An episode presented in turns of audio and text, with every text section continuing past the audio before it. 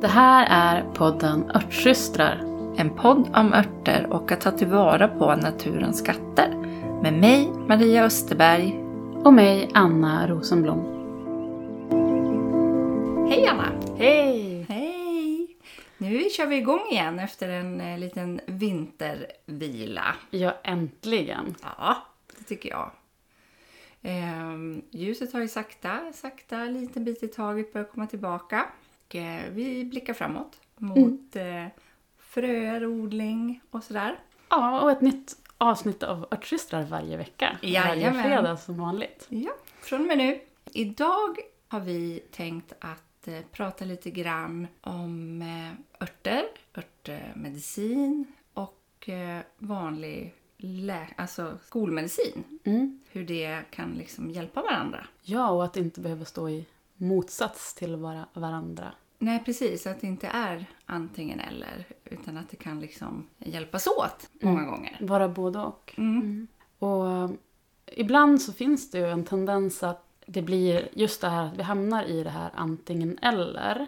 Och det gäller både, in, kan, jag tycka, både inom sjukvården men även bland oss som ja, men brinner för örtmedicin. Att det blir, att samtalet kan nästan bli lite dogmatiskt, att man ska välja det ena eller andra. Och det grund, jag tror det grundar sig ofta i en att man kanske inte har fått det stöd man har behövt och inte blivit hörd, inte blivit sedd inom sjukvården. Och så söker man sig till det som kallas den alternativa medicinen. och ja, man sakta hittar sina nycklar för att lösa sin hälsosituation. Och så blir man lätt att, ja men då kör man på det, Ja, det som funkar. det som funkar. Ja.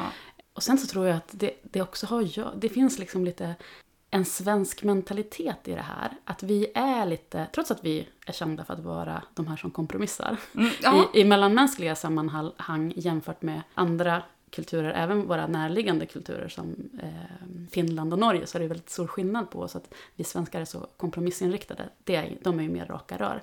Men trots det så har vi ju en tendens att Så- när vi väljer saker så är det svart eller vitt. Att Ja. vi ska ha liksom ett lag som vi hejar på och så ska vi liksom... Ja, det är så här, team sjukvård. Ja, eller team. Team örter. Ja, vilket, eh, vilket är olyckligt för att som med allt, allt har sina för och nackdelar.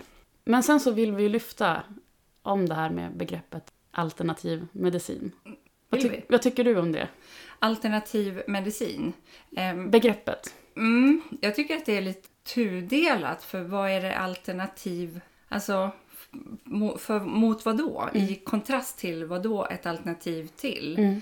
Ehm, jag tyckte, vi satt ju och pratade lite om det här. Eh, och då tog du upp eh, en av liksom, örtgurusarna i Sverige, Marie-Louise. Mm.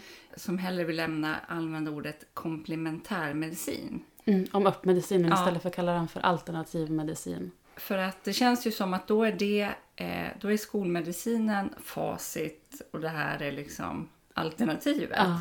Jag tycker liksom att, att man, eh, precis också inom sjukvården, är liksom, jag vet att jag pratade med en läkare och då är det nästan som att de uttrycker, ja vissa tror ju på det där, som att det skulle vara någon slags hokus pokus. Men jag menar, vi skulle inte ha Ipren idag om vi inte hade haft älggräs. Precis, för att äh, örtmedicin är inte alternativ medicin. Örtmedicin är ju ursprunget till all medicin. Ja. Så om någonting ska vara alternativt så kanske det är, är eh, Skolmedicin. skolmedicinen. Men sen så tycker jag inte heller att man ska gå den vägen. För då är vi inne i det här svartvita Ja, tänkandet, precis. vi, och dem.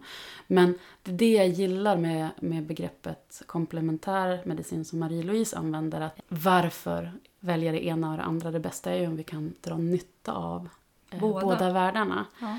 På det sätt som man gör till exempel i Kina där man har den traditionella kinesiska örtmedicinen som har, spelar en jättestor roll. Men det innebär ju inte att de inte har kirurger. Och på kinesiska sjukhus så när man gör en, en, en canceroperation eller gör en strålbehandling så, kom, så kombinerar man ju alltid det med örter som ska stötta läkningsprocesserna och så vidare. Och likaså är det ju i, i Tyskland har man ju ett mer integrati, in- integrativt upplägg på, på sjukvården eh, och likaså i England. Ja. Vad är det med oss svenskar? Jag vet inte. ehm, jag vet inte riktigt. Det senaste avsnittet vi gjorde så pratade jag ju med en eh, person som jobbar eh, på apotek och har jobbat på apotek när du kunde gå in och köpa örter på apoteket. När läkaren liksom förskrev du ska dricka te på röllika. Och då gick man till apoteket och köpte man röllika. Eh, hon hade inte heller något riktigt svar på vad som egentligen hände. Tilltron till liksom, liksom den kontrollerade syntetiska blev så stor så att det nästan slog över. Att allt det andra blev liksom hokus pokus. Men det finns ju forskning idag. Alltså det finns ju en, en universitet. I Uppsala finns, har ju institutionen för farmakognosi en stor plats som forskar jättemycket på verksamma ämnen i växter. Så det är ju inget, alltså jag önskar verkligen och jag hoppas verkligen att vi kan få en mer integrerad relation mellan de två. Att jag förstår på ett sätt att man liksom vill ha kontroll om man har ett problem och så, för jag menar ett, ett te på rölleka kan ju innehålla så otroligt mycket beroende på var rölleken är plockad, hur länge den har legat. Så att man liksom vill ha en mer stabil kontrollerad produkt. Eh, Precis, och det är det som är fördelen med, med läkemedel. Men samtidigt om man då ska liksom bara strunta i allt annat så... ja, det blir liksom fel då. Ja. ja. Och eh, här i Sverige, så man brukar ju förklara det här med att svensk vård ska vara evidensbaserad. Därför så, så får inte läkare ens prata om någonting som inte är evidensbaserat. Vilket är helt galet, för det innebär ju att eh, läkare som eh, jobbar med cancerpatienter och som vet, jättemy- som, som vet att det finns, finns eh, mycket som tyder på att liksom, vad vi äter kan hjälpa läkningsprocesser och så vidare i kroppen. Man får inte ens prata om det på grund av det här evidenskravet. Eh, och jag tror att det, det, här, det här handlar inte enbart om människorna på de här olika sidorna utan det är liksom större institutionella värderingar. Ja, men alltså om, om man nu... Vi har ju ett väldigt, väldigt, väldigt, väldigt hårt evidenskrav liksom i svensk sjukvård. Eh, men idag har det blivit så galet ju så att forskningen styrs ju av den som vill betala för ett resultat. Precis. Och man kan ju inte ta patent på rölleka, alltså är det ju helt eller vad som helst, maskros. Så att det är ju helt ointressant att sponsra en sån forskningsstudie. Eh, och det tycker jag är väldigt, väldigt olyckligt. Och då när vi, vi i Sverige håller benhårt på det här, här evidenskravet så innebär det ju att vi sätter oss i famnen på läkemedelsbolagen. Ja. För i förlängningen så är det de som styr vad som får och inte får förskrivas till svenska patienter. Det här blir ju som en snuttefilt. Att, nej men, och det blev ju väldigt tydligt under, under pandemin då Sverige... Det, det blev så supertydligt hur, hur långt vi tog det här evidenskravet. Att man kunde inte rekommendera var, liksom, munskydd för att det fanns inte evidens. Nej. För att, nej, det, vi har inte haft en sån här stor pandemi så det har inte Men beforskats vi kanske kan här- testa. Ja, det kanske är bättre än, än att liksom inte göra någonting. Eh, och sen så fick, fick man ju backa på det när det kom evidens eller trycket blev för hårt. Men det är som att det har blivit en snuttefilt för att det som händer, andra system, eller andra länder har ju lyckats. Alltså vården i Tyskland, vården i England klarar att liksom ha den här flexibiliteten och hitta sätt att liksom komma runt komplexiteten. Och jag tror någonstans att det är det vi svenskar skyggar för. Ja. Komplexiteten. Och att man på inom institutionerna som bestämmer kring det här, man orkar inte riktigt. För ja, men då ska det liksom redas ut och så ska det liksom... Ja, och så ska det liksom läggas i olika fack och Ja, så ska det och så- forskas och är det... Och politiker ska ta beslut om det och så här, nej men bara, vi sitter lugnt i båten, skit i alla som mår jättedåligt som kanske hade mått jättebra av en mer inter, integrativ approach. Utan nej, vi sitter, det får vara så här helt Ja. enkelt. Ja, och det är så himla tråkigt därför att eh, det finns så många som skulle ha, tror jag, väldigt, väldigt stor hjälp av olika örter istället för preparat som är eh, kemikalier. Den kemikaliska formen av örter. Samtidigt så tycker jag att det är jätteviktigt att vi eh, säger att eh, vi är så himla lyckligt lottade som bor i det här landet som kan få den här sjukvården. Och det är liksom inte det, är inte det att det är fel på eh, kemikalierna i läkemedlen. Det, I grund och botten är ju läkemedel fantastiskt. Och i, vissa, i akuta lägen så är det ju fantastiskt att vi kan få, få hjälp med akutkirurgi av, med smärtstillande och så vidare. Problemet med det är ju att de riskerar, när vi börjar ta till exempel Alvedon för någonting som egentligen har en, an, har en djupare bakomliggande problematik så blir det bara som plåster på ett symptom. Mm. Eh, och sen på längre sikt så kan ju läkemedel som Alvedon påverka oss väldigt, väldigt negativt. Eh, det är ju ett läkemedel som man ska vara försiktig med. Och det är ju till och med så att man får inte köpa hur mycket som helst längre i livsmedelsbutikerna på grund av Att det, att det, ja, är, det är faktiskt farligt. det, det är ett problematiskt läkemedel som också hjälper till jättemycket. Ja. Så det vi försöker säga med det här är att när vi håller på med örter så är det viktigt att vi ändå inte tömmer medicinskåpet bara för att vara duktiga. Nej, det tycker jag. För att jag upplever lite grann i, i så här örtis-communityn, eller vad man ska säga, att det nästan shameas lite, medvetet eller omedvetet, om eh, jag själv liksom varit så här, typ ursäkta att jag faktiskt måste ta läkemedel.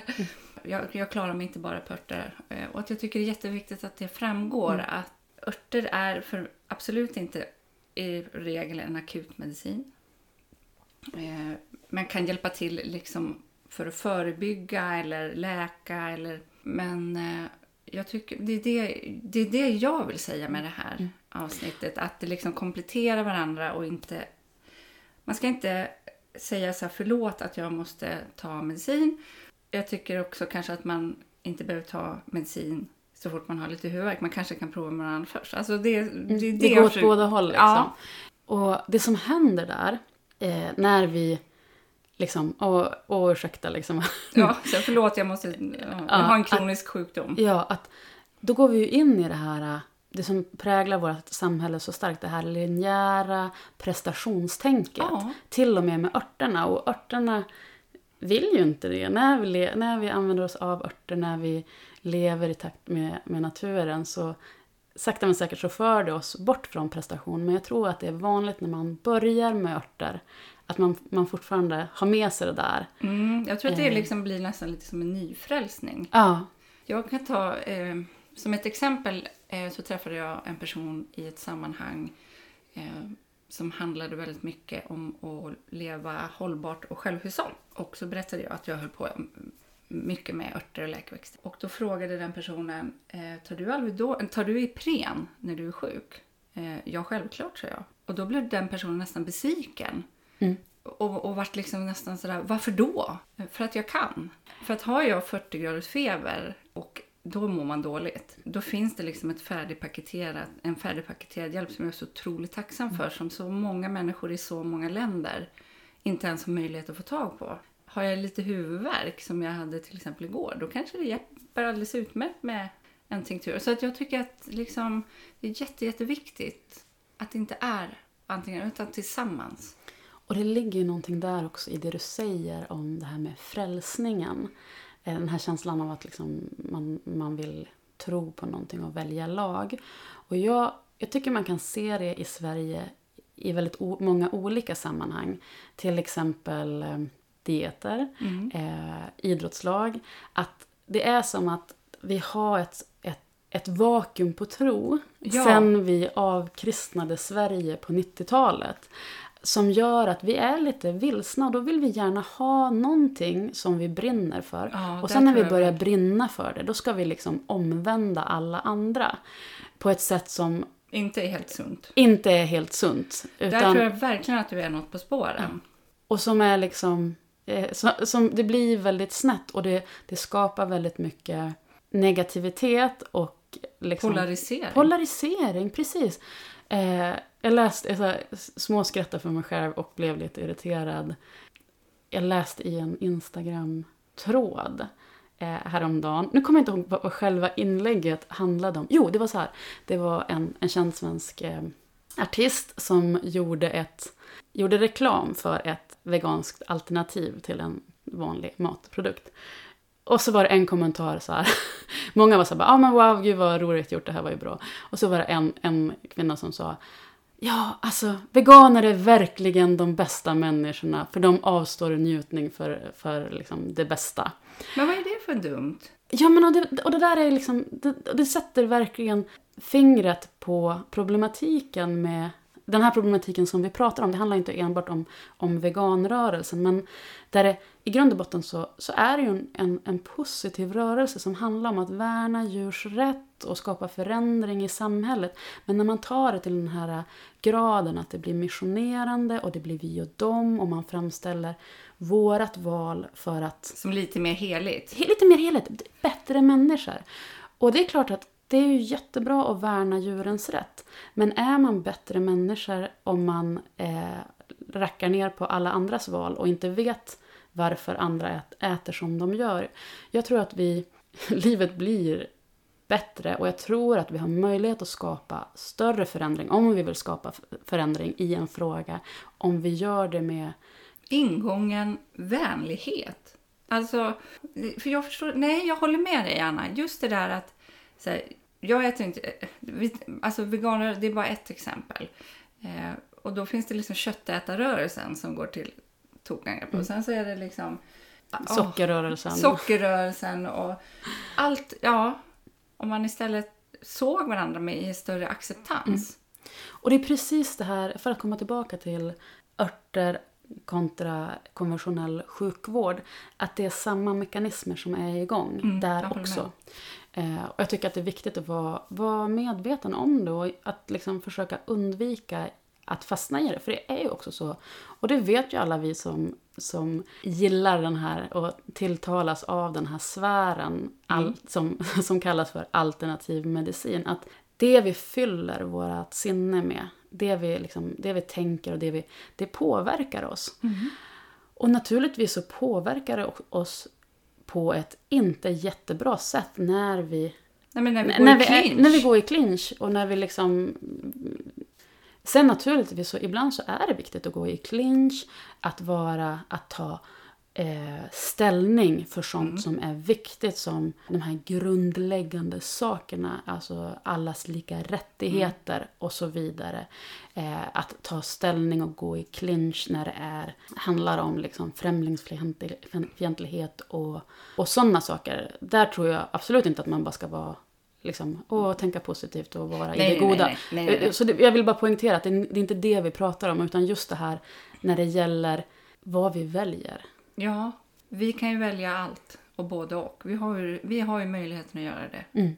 Ja, och där säger du något viktigt, för jag brukar tänka på det väldigt ofta också. Det, det man kan applicera det dels på det här, men även på, jag bor i ett stort gammalt hus, eh, det här med byggnadsvård. Mm. Jag älskar byggnadsvård, det blir när man eh, renoverar hus och låter dem få vara det de har varit tänkta att vara, mm. så blir det oerhört vackert och hela den här byggnadsvårds trenden just nu. Det, det är så fint liksom. Men eh, jag tror också att den ibland skapar lite stress för att när man väljer att kanske inte gå hela vägen all ut och ja, linoljemåla allting eller såpskura eller väljer, stå i det här att behöva välja mellan antingen eller. Köpa på Byggmax eller vad heter en sån där ägg? Ja. Och då brukar jag tänka på de här som levde de människorna som levde i mitt hus, första gången det uppfördes någon gång på 1700-talet, eh, det var stort och dragigt mm. och de fick gå ut över gården och gå på toan inne i laggården. De människorna skulle, alltså jag tänker liksom att de skulle ju tyckt att vi var vansinniga. Om vi stod och sku, sopskurade, eller sopskurade golven eh, bara för att. Sen är det ju en sak om man väljer att göra det för att man älskar det, för att det är meditativt och man har den tiden i världen. Men när man känner sig tvungen att göra det för att man vill göra allt enligt byggnadsvårdsboken ja. så hamnar man ju fel. Jag håller med. Jag och det är lite det där vi hamnar med örter också, örter kontra medicin. Jag menar, den som låg liksom i stora smärtor på 1700-talet. Nu hade den, den tackat ja till medicin. Ja, den hade ju inte sagt så här, nej jag vill bara ha naturligt. Ja. ja. ja. Absolut. Jag tänker jätteofta precis i samma spår. Mm. Att eh, de som levde här före mig, om deras barn var sjuka, skulle de och, och de, fick liksom, de skulle bara titta på oss och säga så här, är ni inte kloka? Mm. Ni har chans, mm. ni har så mycket möjligheter, ni behöver inte frysa, ni är mätta vad fan håller ni på med? Precis. Och någonstans så, så, så vill vi ju leva i den bästa av världar. Ja, um... och det kan vi göra om alla världar får liksom ha sin roll i spelet. Mm. jag skulle vilja plocka upp ett citat som du nämnde tidigare. Eh, den här läkaren som säger ja, vissa tror ju på det där. Och det är ju så, eh, eh, det är ju så skrattretande för att det är ju ingen som ifrågasätter grönsakers nyttighet. Nej. Eh, grönsaker rekommenderas ju till och Och med av Livsmedelsverket och bär. Och grejen är att, ja men varför är de så nyttiga för oss? Det är inte bara fibrerna, utan det är ju också alla de här aktiva ämnena, antioxidanterna, mineralerna som finns i bären som man vet och förstår att det här är bra. Gränsen mellan vad som är ett bär, en grönsak och eh, en, en växt som vi kan använda ur ett örtmedicinskt perspektiv, den är ju väldigt flytande. Väldigt flytande skulle jag säga. Det är Ja. nästan obefintligt. Ja, så att liksom, det finns ingen form av behov av tro för att, för att gå vidare på den där skalan. Men då är det ju återigen det här med komplexiteten. Att det blir för komplext, så då liksom, vi stänger dörren till örtmedicinen. För att, Vi orkar inte. Nej, jag orkar inte, för då måste vi prata om antingen eller, eller det ena och det andra. Eh, och jag tänker särskilt på det här med när det gäller örter för gravida och ammande. För Mm. där i Sverige är vi ju så himla rädda för att prata om det. Och det finns, eh, jag menar i alla svenska örtböcker så avråder man ju i princip från att ta örter när man är gravid och ammande. Eller så står det den här, ta kontakt med en, en örtterapeut för, för det här. Och att det handlar, jag tror det handlar att inte bara om att det inte finns jättestor kunskap kring det, men också att, att det är Ja, men där går vi in på ett annat spår. Eh, det som är att är du gravid så ska du vara helt jävla livrädd. Du måste vara kemist, nutri- alltså k- vara dietist och eh, allt. Så att gravida kvinnor idag, alltså, de måste ju ha en sån fruktansvärd ångest. För att allt de typ stoppar i munnen är ju liksom en potentiell livsfara för deras barn. Eh, och jag blir här, där tycker jag att man har liksom skapat en skrämselpropaganda som, som är helt utom kontroll.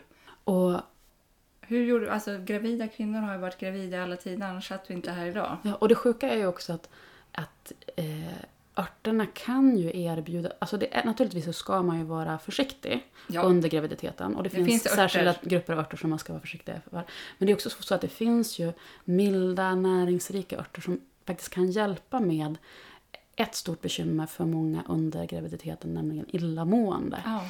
Eh, så att, och det där, jag tror, det är återigen det är komplexiteten och så sen är det det här brottet, avbrottet i eh, vidare förmedlandet av örtkunskapen som uppstod under industri- industrialiseringen Ja. då vi liksom, trendkänsliga svenskar bara släppte allt att nu, nu kör vi på det nya, nu är det konservburkar och piller som gäller. ja, det är modernt. Ja, och så släpper vi allt. Allt det där gamla hokuspokuset, det lägger vi bort. Och jag brukar tänka, apropå den liksom mentaliteten brukar jag tänka på italienare. Ja, Den liksom mentala skillnaden me- mellan svenska och italienare. Eh, som är liksom jättestolta över liksom sitt arv, sin mat. Jag menar, medan vi svenskar har liksom så här trendmat. Ja, mat som vi byter liksom vad vi lagar liksom vart tre- tredje år utifrån vad som är trendigt just nu. Ja. Eh, och liksom, svenskar har ju en tendens att kunna fnissa lite åt, åt, oss, åt oss själva för det vi åt på 80-talet. Ja. Det skulle aldrig hända i Italien. Aldrig. Där liksom lagar man ju liksom mormors gryta med stor stolthet om och om och om igen. Liksom, och den har en hedersplats. Liksom. Men är vi liksom så här... Eh, har vi så otroligt låg eh, självkänsla som liksom folk? Så att vi Ja. bara liksom, vi bara svajar så här. Nej, gud vad töntigt och jag har Ja. bananer i mat. Liksom. Nu Ja. ska vi ha granatäpplen. Nej, gud vad töntigt det är. Nu ska Ja. vi typ... Vi är så jävla lurade. Ja, faktiskt. Ja, men alltså, det här är ett ämne som jag tycker är jätte, jätteviktigt. Mm. Att, att eh, förhålla sig till att vi som håller på med, med örter, jag vill inte säga alternativmedicin längre. Eh, vi som håller på med komplementära metoder. Mm. Eh, vi har ju också ett jättestort ansvar att veta våra begränsningar. Det är också viktigt att nämna. Ja, och att inte bidra till den här antingen eller. Nej, attityden och att, att inte... Att kanske inte hoppa... Men eh, vi brukar ju avsluta med ett tips varje avsnitt. Vi har faktiskt inte bestämt ett tips på förhand. Vad, vad är dagens tips, Maria? Mm, dagens tips är att gå och låna en bok som heter Läkemedel från naturen. Nej då. Nej, nej, men dagens tips kan ju vara för dig som... För den är verkligen jättebra. En, eh, Så vad är dagens tips, Maria? Dagens tips tycker jag är att eh, gå till biblioteket och se om du kan hitta en bok beskriver eh, läkeväxter utifrån forskningsperspektiv. Den heter någonting i stil med läkemedel från naturen. Ja, den är skriven av fyra professorer från eh, institutionen för farmakognosi i Uppsala. Vi kan lägga in den boktiteln och författarnamn i Ja, avsnittsinformationen. Eftersom vi... Eh, Den boken är ju skriven, egentligen är den boken skriven för folk inom vården, alltså den är skriven för läkare. Så att jag som lekman förstår ju kanske inte allting om eh, eh, molekylerna och atomerna. Men det finns eh, ett stort avsnitt i boken där den beskriver några av våra vanligaste ört, örter, läkeväxter. Eh, både ur ett eh, traditionellt perspektiv, hur man har använt den, och vad modern forskning visar. Och det tycker jag är superintressant. Det, eh, det verkligen stödjer den här eh, erfarenhetsbaserade informationen och där kan man också läsa att det faktiskt stämmer. Om man nu ska använda då de här liksom, moderna metoderna. Eh, min favoritsida där är eh, en eh, beskrivning av molekylerna från älggräs till Ipren. mm, Den bilden har jag ofta med mig för att jag tycker det är så fantastiskt. Superbra tips. Eh, och med det så är det väl dags att runda av. Jag hör min dator börja knorra här i, i bakgrunden. Ja, det kan vi klippa bort. Men eh, eh, vad ska vi prata om nästa vecka då? Nästa vecka ska vi prata om eh, lite om sådd. För det börjar ju sakteliga bli dags att dra igång med lite sådder. I alla fall de här Några en, tjuriga. envisaste eh, fröna. Ja, men då ses vi då, eller hörs då. Hej då! Hej då!